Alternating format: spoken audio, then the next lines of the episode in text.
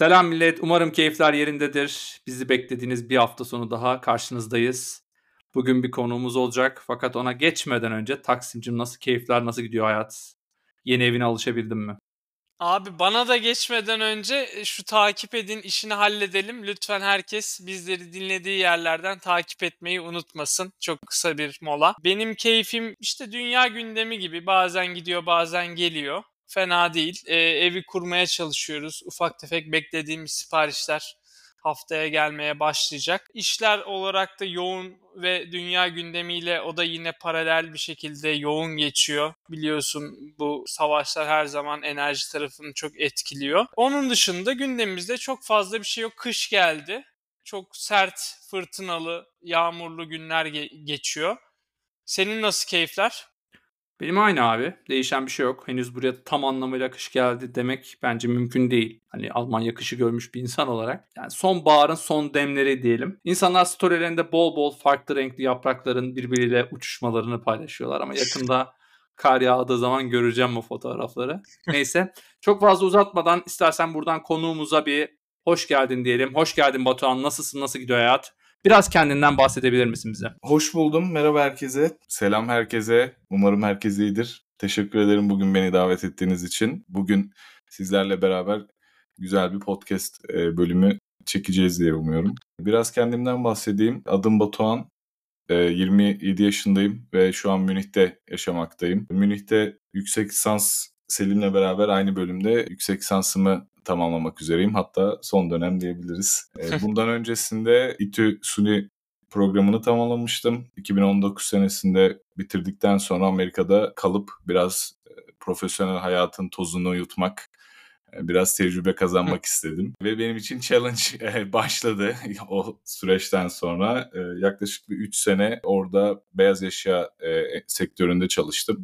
Ürün yönetimi bölümünde. Sonrasında hep aklımda olan ve planım doğrultusunda gelmek istediğim Münih'e yolum düştü. Çünkü buradaki e, okuldan bu master'ı ve hani Avrupa'da yaşama deneyimini e, her zaman istiyordum. Ve son aylarında da en çok özlediğim şeylerden biri olmuştu. E, dedim ki yani bir sırt çantamla Avrupa'da şöyle bir şehirden şehire, oradan oraya bir turlama e, özlüyorum. Ve bunu nasıl gerçekleştiririz? Ben Avrupa'ya taşınayım, Amerika defterini kapatayım. Yaklaşık işte okulla beraber 5 sene yeterli bir süreç. Bu yaş aralığında deyip yolumuzu buraya çevirdik. Burada da yaklaşık işte ikinci yıla az kaldı. Yani bir buçuk yıl bitti. ikinci yıla doğru gidiyoruz. Şu anda burada da Siemens'te çalışıyorum. Hem okurup hem çalışma süreci devam ediyor. Çok teşekkürler abi. Hoş geldin tekrardan. O zaman sen kısaca zaten bahsettin. Almanya'da da Amerika'da da özel bir iş hayat tecrüben var. Özel sektör tecrüben var. Bize biraz gördüğün ikisi arasındaki farklılıklardan bahsetmek ister misin? Tabii ki de bahsedeyim. Hem Amerika'daki kurumsal şirket e, kültürünü hem de Almanya'daki kurumsal şirket kültürünü gördüm ve oradaki çalışan insanların rahatlıkları öncelikle en çok diyebileceğim sorumluluk almama istekleri e, ve böyle belli structure'lar içerisinde işlerini yapmaları herhalde ilk üç direkt sayabileceğim özelliklerdir. Hani buraya göre söyleyebileceğim. Burada da şaşırtan şeylerden biri şu oldu. Yani bir toplantı atıyorsan o toplantının muhakkak bir sonuçlarını herkesin görmesi ve hani biz neden bu toplantıyı yapıyoruz? Benim 15 dakikam niye burada e, kullanılacak ve sonucunda bana ne output vereceksiniz gibi böyle bir mantalite var. O biraz beni ilk gördüğümde şaşırtmıştı. Onun haricinde zaten çok Almanların hani genel e, zaman kullan kullanım şeyleri, skillleri olsun, iş takipleri, yani senden beklentileri vesaire yani böyle çok üzerine büyük bir pressure oluşturmadan bunları ilerletiyorlar. Bu da değişik bir bakış açısı. E, yani Amerika'dayken pek bu tarz bir şey de görmemiştim. Biliyorsun abi Amerika vs Almanya hatta Amerika vs Avrupa şu an kariyerini yurt dışında devam ettirmek isteyenlerin en çok kafasında soru işareti bulunduran bir noktada. Sen ikisini de görmüş biri olarak ve aslında Amerika'da da biraz düzenini kurmuş biri olarak neden o kurulu düzenini bozup Almanya'ya geldin? Genelde tam tersi olur. Benim de buraya taşındıktan sonra aldığım en çok sorulardan biri. Yani bir tanışırken hani kimsin, adın ne, iki neden geldin? Artık o kadar çok cevapladım. Hani kısa bir şekilde şöyle şey yapabiliyorum. İşte 27 yaşındayım. Bu yaş aralığında yeterli tecrübeyi aldığımı düşünüyorum hani bu süreç içerisinde ve e, hızlı bir environment, hızlı bir e, şeyler, dinamikler belli bir şeyden sonra daha rahat, daha böyle ülkeye yakın olabilecek. E, çünkü o süreç de bayağı bir aslında hani 7 saat 8 saat minimum lafla geçiyor ama hani uçakta çok e, uzun sürüyor. Bunu istediğim için hani biraz da buraya rotamı kırdım ve buradaki şeyin çevrenin bana daha iyi gelebileceğini e, düşündüm. Çünkü oradayken Covid sürecini tek başıma yaşadım. Yani tabii ki de çok yakın arkadaşlarım, çok güzel dostluklarım vardı. Ama o süreçte yordu beni hani tek başıma olmam.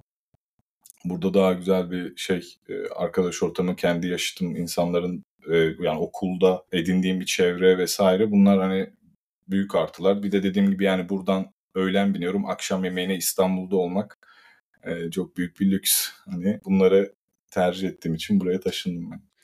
Aradığını buldun yani abi anladığım kadarıyla. Başta da şey söylemiştin. Bir sırt çantasıyla Avrupa'yı gezmek falan. O konularda kesinlikle mutlu musun yani? Bu kararının sana kesinlikle doğru geldiğine emin misin? Yüzde yüz, yüzde yüz abi. Sırt çantasıyla burada bir Ryanair bir yere bulduğun zaman zınk diye gidiyorsun işte Selim de hani biliyor. Sen de hani gerçi e, Londra'dan muhakkak yapıyorsundur. E, sağa sola gitme ve buradaki o work-life balans hani iş kısmından mesela söyleyebileceğim o var. Benim mesela 6-7 gün sadece yazılı iznim vardı Amerika'da.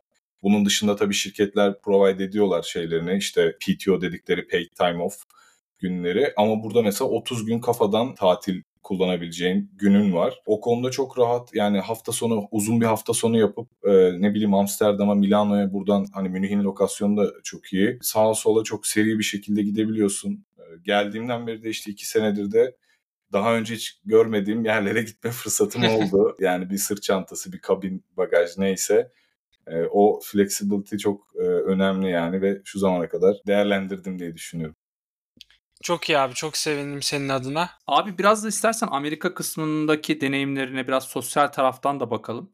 Bir kere hani hangi şehirde yaşıyordun? Özellikle ona girelim. O şehrin özellikleri neydi? Neden o şehri seçmiştin ilk noktada? Bize birazcık da Amerika'daki o şehir urban hayatı anlatabilir misin? Nasıl bir hayat var orada? Benim programım dahilinde gideceğimiz okul ve şehir belliydi zaten. Yani eğitim kısmından e, başlıyorum şu an. E, Edwardsville, Illinois eyaletinde bir şehir. Tamamen bir üniversite şehri. Şehir onların etrafına kurulmuş yani hani öyle diyebilirim.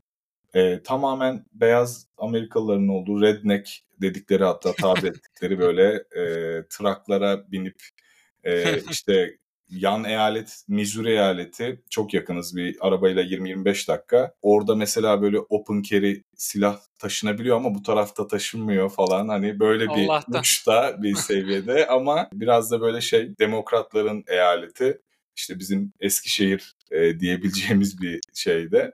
Çok ufak bir şehir dediğim gibi pek bir şey yoktu. Hani iki sene orada öğrencilik hayatı tabii ki de financial açıdan daha iyi geçti diyebilirim büyük şehre göre. E, ondan sonra ben Chicago'ya işte çok uzak olmasa da böyle bir 4 saat arabayla git gel yapıyorduk. Hani hafta sonu işte gezme, tatildir vesaire. Ben ilk gittiğim gün çok etkilenmiştim. Chicago'yu görünce dedim ki ya burası çok güzel ve cidden e, architecture olarak da bayağı önemli bir şehirmiş. Ben sonradan hani o binaları vesaire anlatıyorlar ediyorlar öyle öğrendim. Yani kaosu var. Yani bir LA kadar çok insanların sokaklarda vakit geçirdiği, yaşadığı tarzda bir tarz şey değil, şehir değil. Ya da e, New York'taki gibi kaos, e, sürekli oradan oraya koşturma, biraz İstanbul havası tarzında değil. Yani böyle çok tadında, güzel, çok soğuk. e, yani Münih hani soğuk tamam hani güzel de e, orası bir başka bir soğuktu. Güzel bir şehirdi Chicago. Benim tavsiyem hani... Peki sence Amerika'daki şehirleri özellikle büyük şehirleri en çok ekonominin döndüğü bilmiyorum hangi şehirler var. New York var, LA var dedin. Belki Boston tarafları olabilir bilmiyorum. İnsan tipografisine göre mesela Türkiye'deki hangi karakterdeki insan hangi şehirde daha çok mutlu olur? İstersen hazır Chicago kısmına girmişken oradan bir topu sana atmış olayım. Abi bir kere öncelikle İstanbul'da büyümüş ve hani oraya da bir yaklaşık böyle bir 10-15 sene o şeyi almış insanlara çoğu şehir kesmiyor hani o e, hayatın e, akışkanlığı, o eğlence, dinamizm. Onu en yakın New York'ta görebilirsin. Yani o keşmekeş, o hızlılık şeyi orada var ama mesela saat 2'de Times Square bomboş. Yani incin Yine yetmez. Yani İstanbul'da yetmiyor. yine yetmez. ha. Yetmiyor abi çünkü hani saat 2'de sallıyorum Beşiktaş'ta bir şey var, Kadıköy'de bir şey var, hani Aynen. Taksim'de ayrı ne bileyim Bebek'te hani her yerinde bir şey var. Ben hatırlıyorum e, yani çok geç saatlere kalmayı istememiştim New York'ta. Yani tek gittiğim zaman e, özellikle çok safe hissettiren bir e, ortam değildi. Tabii çok lüks, çok e, güzel yerleri, mahalleleri mevcut var. Hani İstanbul'da olduğu gibi. Ama öyle bir şeyi var, vibe'ı var New York'un. Chicago biraz daha tabii yaşam expense açısından daha az ama kendince bir yine bir e, dinamizmi, yine bir canlılığı olan bir şehir. E, öyle çok New York gibi ya da İstanbul gibi keşmekeş bir ortam yok ama e, büyük ilk üç yanlış hatırlamıyorsam üçüncü şehir. E, Ankaralılar Amerika'da. oraya abi. Havada soğukmuş. Ben ilk şey direkt Eskişehir'e haritada hani orası kı- tek kırmızı ya hani harbiden Amerika'da da kıyılar kırmızı ve bir tek Illinois hani kırmızı. E, Ben direkt o şekilde hani kodlamıştım. E, çok güzel üniversiteler var. İşte University of Chicago, ne bileyim Northwestern baya böyle insanların da tercih ettiği hem fiyat hem de performans açısından e, bulabileceği üniversiteler var.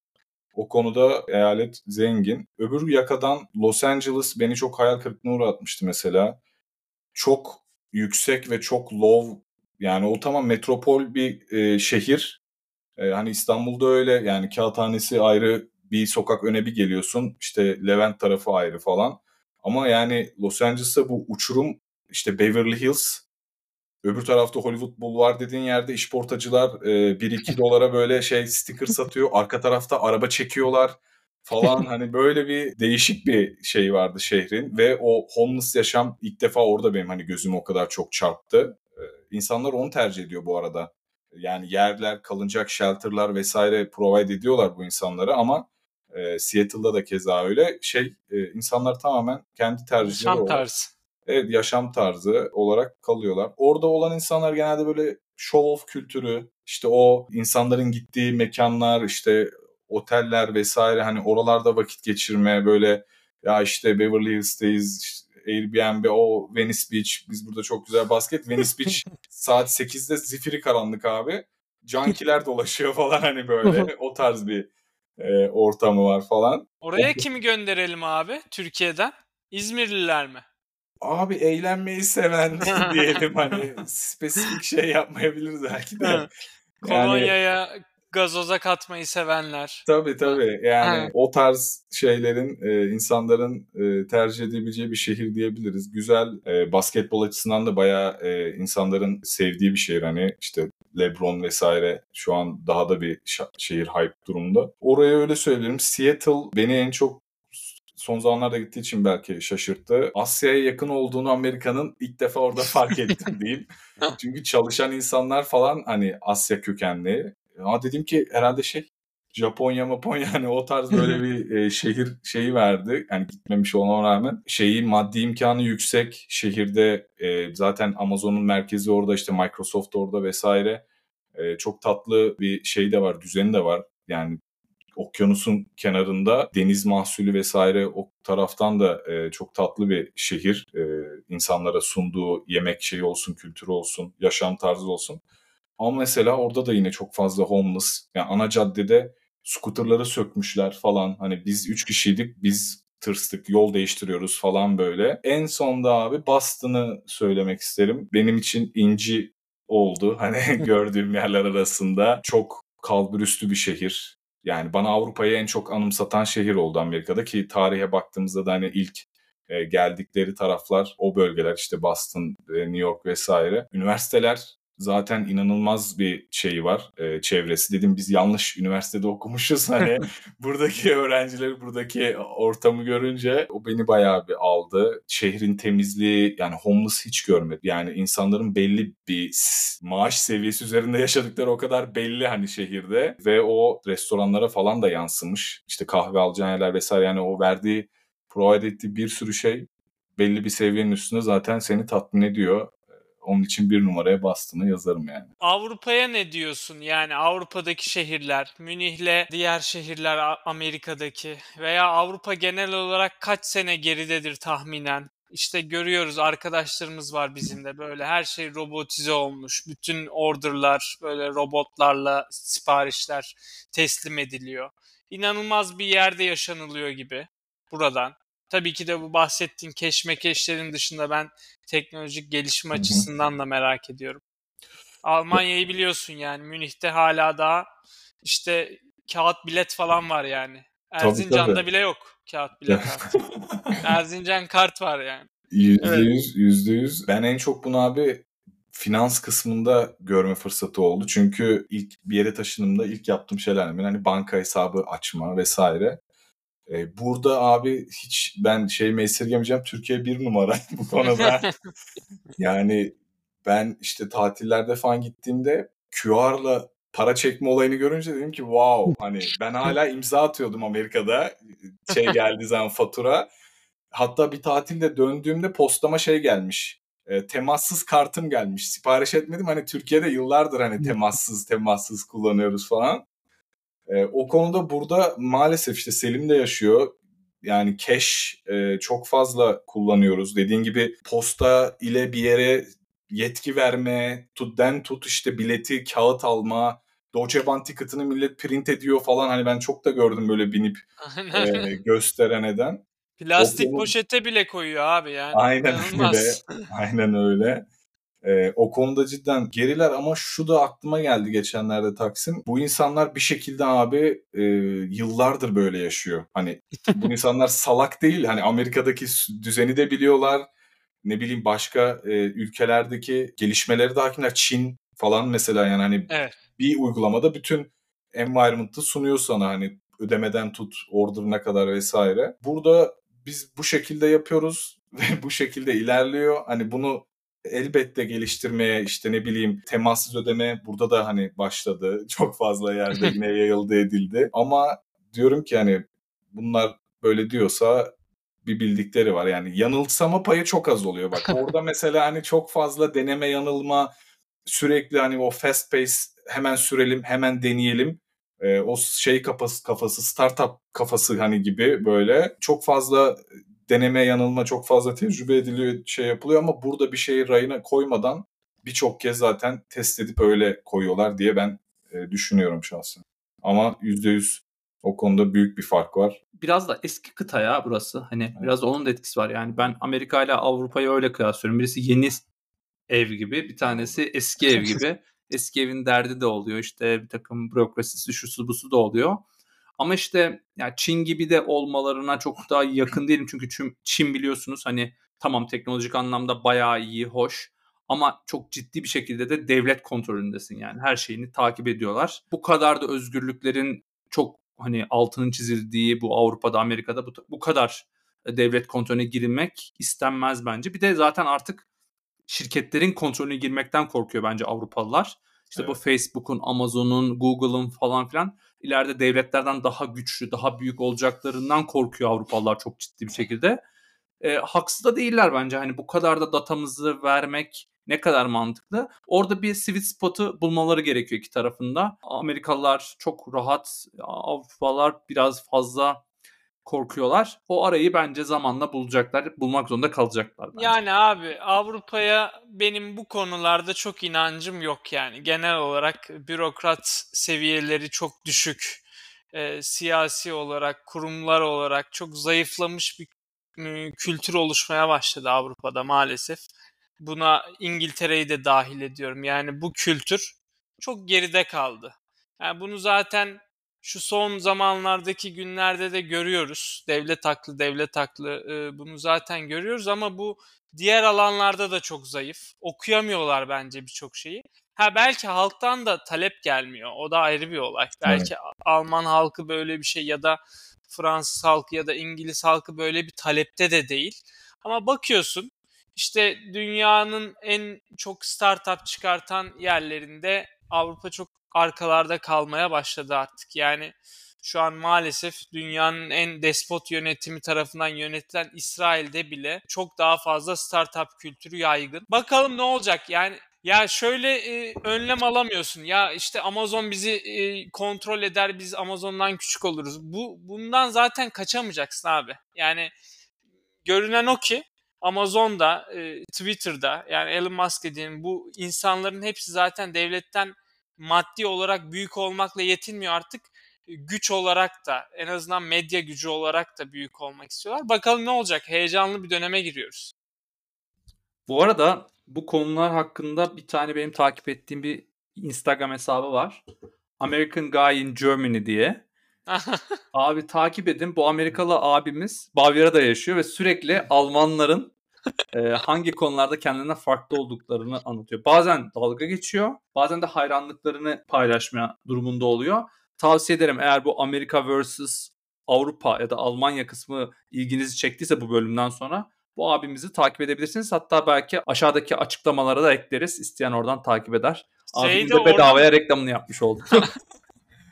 Şey de orada mıydı abi? Pizza yiyor işte nasıl geri dönüşme atacak? İşte ortasını kesiyor. Onu başka bir biyo çöpe atmaya çalışıyor ya da e, normal çöp. Konuyla ilgili abi bir arkadaşımın bir tecrübesi var. Onu çok kısa bahsedeyim. Ben de bahsetmek istiyorum. Abi bir arkadaşımız e, bir sıkıntı çekiyor. Hatta o arkadaşımız da belki ileride podcast'te konuk alırız. Bu biliyorsun Avrupa'da her binanın bir house master'ı yani kapıcısı diyelim o var. Bu görüyor abi kendi binasının çöpüne atıldığını. Halbuki arkadaşımız farklı bir binada oturuyor. Bunu kovalıyor abi gece böyle bir çocuk büyük bir travma yaşıyor. Bu nedenle abi kağıtları ıslatıp biyoya atmaya başlamış. Ki hani onunkine atamasın hani öyle bir travma olmuş çocukta. Sen anlat abi, abi. Bizim şöyle burada birinin başına geldi. Çocuk almış karton koller işte yeni taşınmış. E, direkt kutunun üzerine koymuş şeyin o mavi işte buradaki Hı. çöp şeyi e, kartonları atabildiğin. Onun üzerine tek tepeleme dizmiş. Bizim Housemeister'da tabii ki de adres madres hepsi olduğu için alıp abi çıkmış üşenmemiş evinin neresiyse artık önüne hepsini boşaltmış. Yani öyle bir e, şeyde biraz sinirli bir Housemeister e, nasıl yapacağını bilmeden çöplerine ayırmayın. Yani hani buradan bu alt metni çıkarabiliriz. Abi evet Almanya bu konuyu çok ciddi alıyor. Bence çok takdire şayan da bir konu gerçekten. En azından Almanya'nın bu sisteme uyduğuna inanıyorum ayrıştırmaya falan. Burada biliyorsunuz o başlarda konuşmuştuk yani BBC e, röportöründen öğrendiğimiz kadarıyla buradaki geri dönüşüm çöpleri Adana'da yakılıyor. Evet. Hani burada öyle bir düzen var. Ayrıştırma falan yok zaten. Kimsenin umurunda da değil. E, devletin de umurunda değil yani anladığımız kadarıyla belediyelerin. Ama Almanya'da eminim ki uygulanıyor bunlar. Çok da güzel.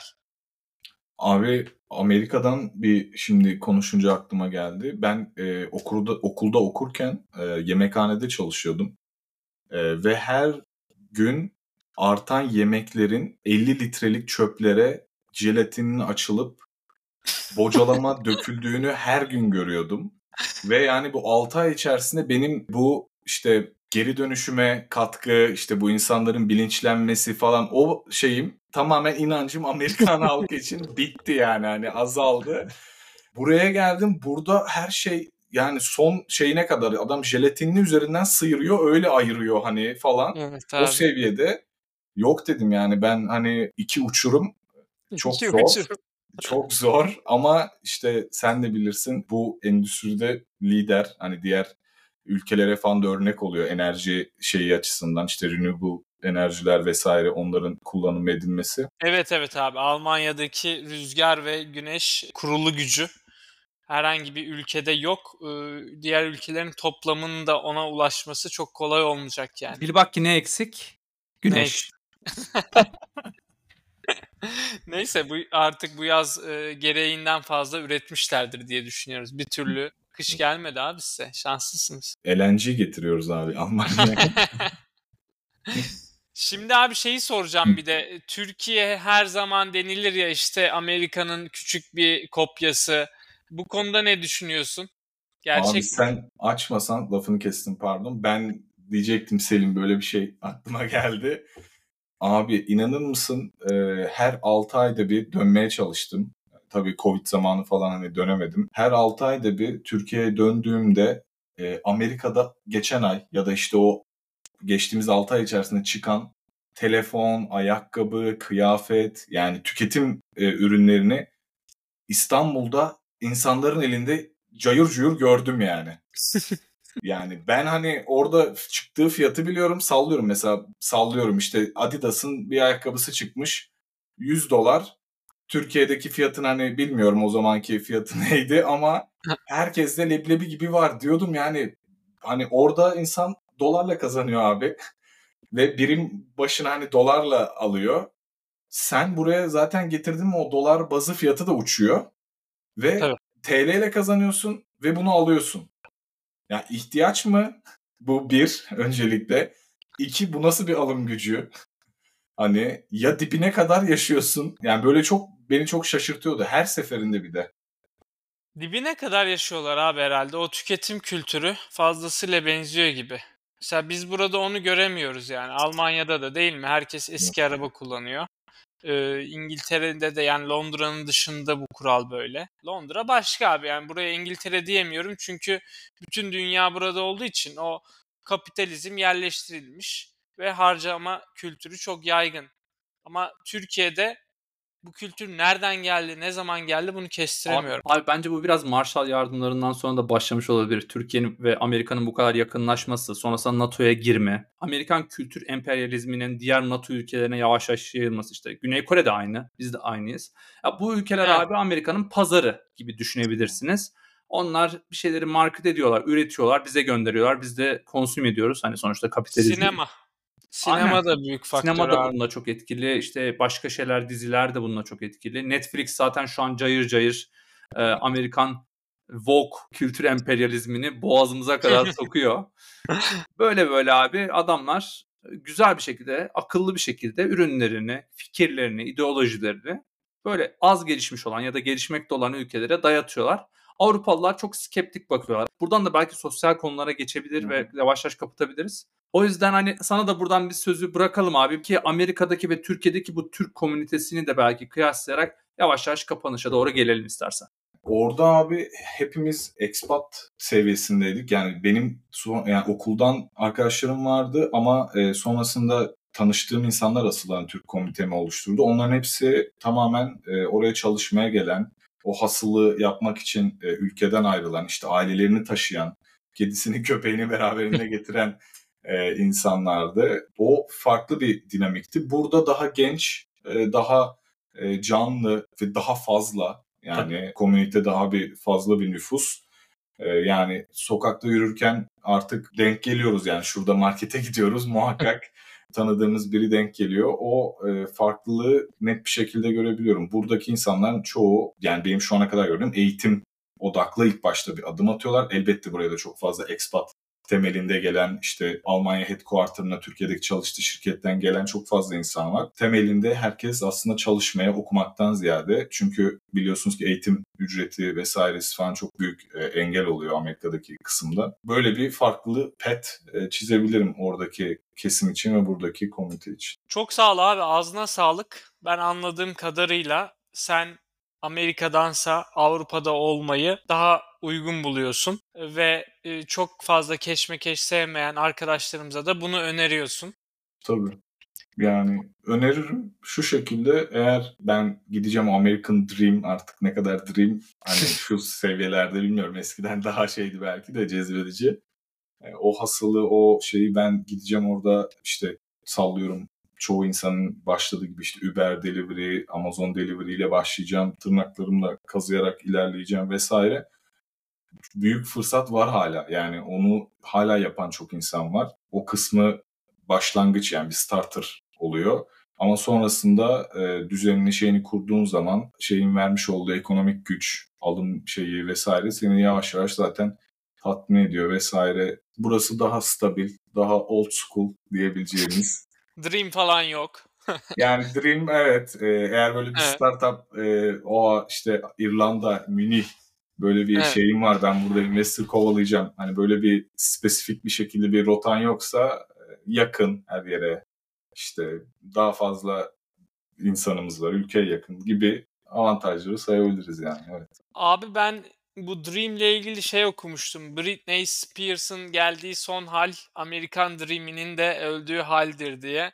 Gerçekten de ben de e, son zamanlarda Instagram hesabını inceledim. En son bir çıplak bir fotoğraf paylaşmış bir plajda. Bu haber üzerine girdim Instagram hesabına. Yalnız önceki postlarına da baktım son zamanda yayınladığı. Gerçekten kadın sıyırmış. Yani evet. yaptığı hareketler, danslar falan e, American Dream'in ben de bittiğine ikna oldum yani abi. Gerçekten tam bir e, çıldırmış ve homeless olmaya sadece birkaç milyar dolarının bitmesi kalmış bir insan görüyorum yani. Gerçekten çok kötüydü. Arda Kural gibi olmuş değil mi? evet abi. Hemen hemen. Abi çok teşekkür ederiz katıldığın için. Çok keyifli bir bölüm oldu bence. Öncelikle çok teşekkür ederim. Benim için de çok güzel bir deneyim oldu. Umarım dinleyen insanlara da bazı şeyleri aktarabilmişizdir. Belki soruları varsa hali hazırda düşündükleri, ettikleri onlara da cevap e, olduysa ne mutlu bize. Tekrardan beni davet ettiğiniz için çok teşekkür ederim. Herkese iyi haftalar, sağlıklar diliyorum. Kendinize iyi bakın.